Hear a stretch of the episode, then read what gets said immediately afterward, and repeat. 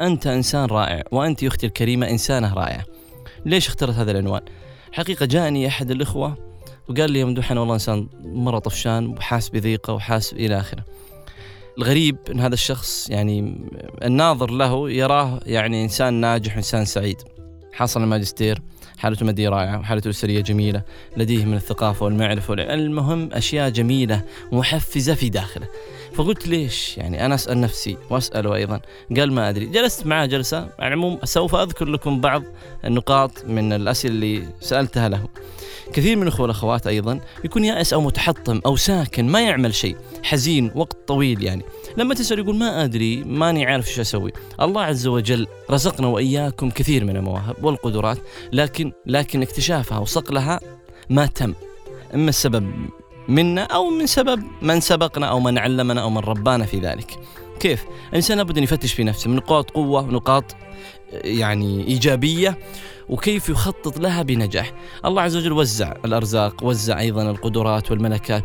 البعض مننا إنسان صوته جميل. ممكن أن يستغل هذا الصوت في مصدر رزق له أو مصدر نجاح من إلقاء من حديث من قراءة قرآن من إنشاد مواهب كثيرة يستطيع إنسان أن ينميها من خلال ما رزق الله عز وجل من جمال في الصوت. فتش في نفسك في ذلك. البعض منا الله رزقه جمال وقوة في الإلقاء. وفي أداء يعني أداء كلمة ولا أداء شعر ولا. استغل هذا الموضوع في التعليم في التدريب أن تكون مدرب موهوب في الساحة أو في تقديم الحفلات.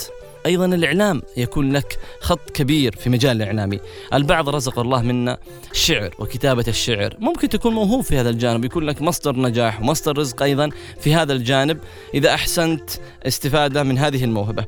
البعض منا الله عز وجل أعطاه قدرة عقلية عالية وتحليلية وذكاء عالي. هذا الإنسان يحتاجون كثير من الشركات في التحليل وفي المنطق وأيضا في استخراج الأفكار الإبداعية للمشاريع. إذا كان لديك أيضا ثقافة عالية جدا تستطيع أن تقدم فيها بحث وتكتب المقالات وتنشرها وتكون لك مصدر أيضا كما ذكرت آه، مصدر نجاح مصدر عزة وأيضا مصدر إن شاء الله كسب مبارك.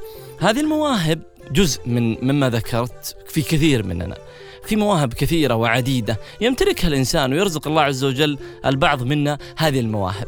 أنا أريد أن نفتش في أنفسنا لدينا كثير من المواهب والقدرات خلوني أذكر أيضا طرق متعددة أنك إنسان كيف يكتشف بعض مواهب وقدراته الجميلة. من خلال بعض الأسئلة ودي أطرحها عليك وخلي الجلسة أخي الكريم أختي الكريمة الحديث مباشر بيني وبينكم الآن واسأل نفسك هذه الأسئلة.